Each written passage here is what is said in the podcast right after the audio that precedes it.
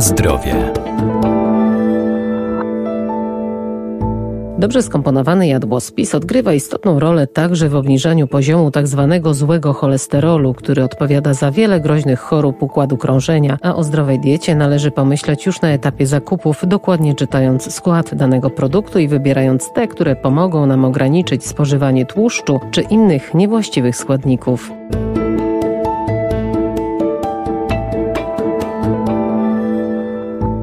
Zdrowy styl życia to także dieta, czyli nasze codzienne odżywianie. Najlepiej żywienie rozłożyć na kilka porcji w ciągu doby i spożywać je regularnie. Jednak przygotowując posiłki, warto pamiętać o pewnych zasadach i składnikach, które powinny się znaleźć w naszym menu. Najlepiej, by były one jak najmniej przetworzone i pozwalały na obniżenie poziomu cholesterolu, co tym samym pozwoli zminimalizować ryzyko rozwoju np. miażdżycy. Cholesterol możemy dzielić na dwie frakcje. HDL, czyli tak zwany cholesterol zdrowy, który pełni bardzo ważne funkcje w naszym organizmie. Przede wszystkim wpływa na e, odpowiednią produkcję hormonów. Dietetyk Beata Mazurek. Też ma działanie przeciwmiażdżycowe, a więc e, wypiera tą frakcję LDL cholesterolu, a więc tak zwanego tego złego cholesterolu. Jeżeli chodzi o główne produkty spożywcze, które przede wszystkim są czystym źródłem cholesterolu LDL, e, to przede wszystkim tłuszcze pochodzenia zwierzęcego. Takim też głównym źródłem tego cholesterolu LDL są cukry proste oraz kwasy tłuszczowe występujące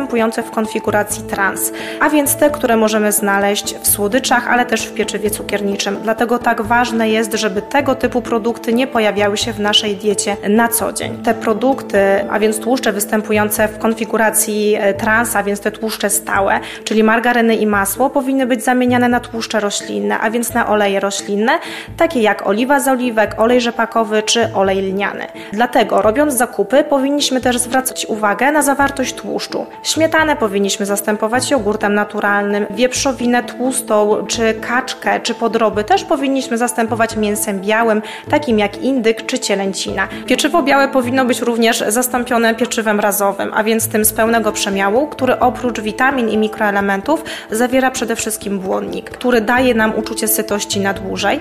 Takim sztandarowym produktem, a więc takim błonnikiem, który przede wszystkim wspomaga redukcję tego cholesterolu jest beta-gluken beta-glukan, który y, jest zawarty w owsie.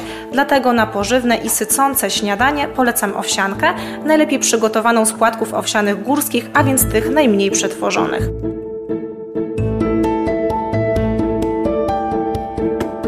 Na zdrowie.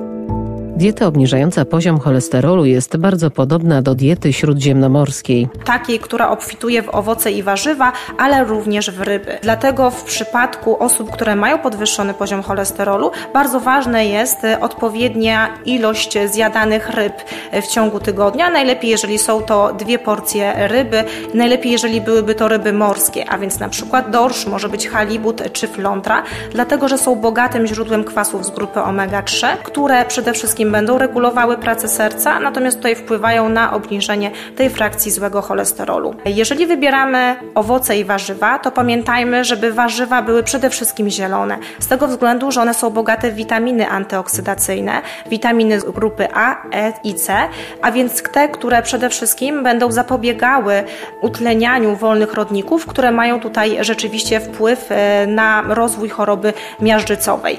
Takimi zielonymi warzywami może być przede wszystkim szpinak, szpinak, sałata, jarmuż, ale też brokuł czy kapusta włoska. Owoce, które powinny się pojawić w diecie osoby, która ma podwyższony poziom cholesterolu, to przede wszystkim grejpfruty, które są bardzo dobre i bardzo oczyszczające, też wszelkiego rodzaju cytrusy, które są bogatym źródłem witaminy C. Jeżeli chodzi natomiast o przekąskę, którą ja szczególnie polecam dla takiej osoby, to przede wszystkim orzechy włoskie.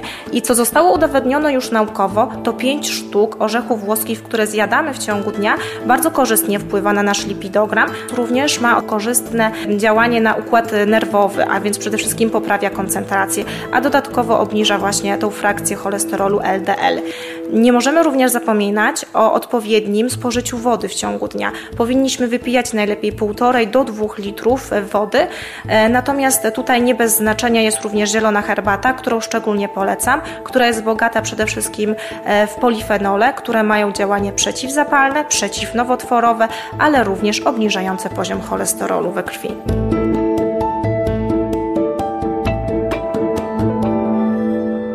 Niezależnie od odpowiedniej diety i zdrowego odżywiania, warto także zwiększyć aktywność fizyczną do minimum pięciu razy w ciągu tygodnia, ćwicząc przez co najmniej pół godziny.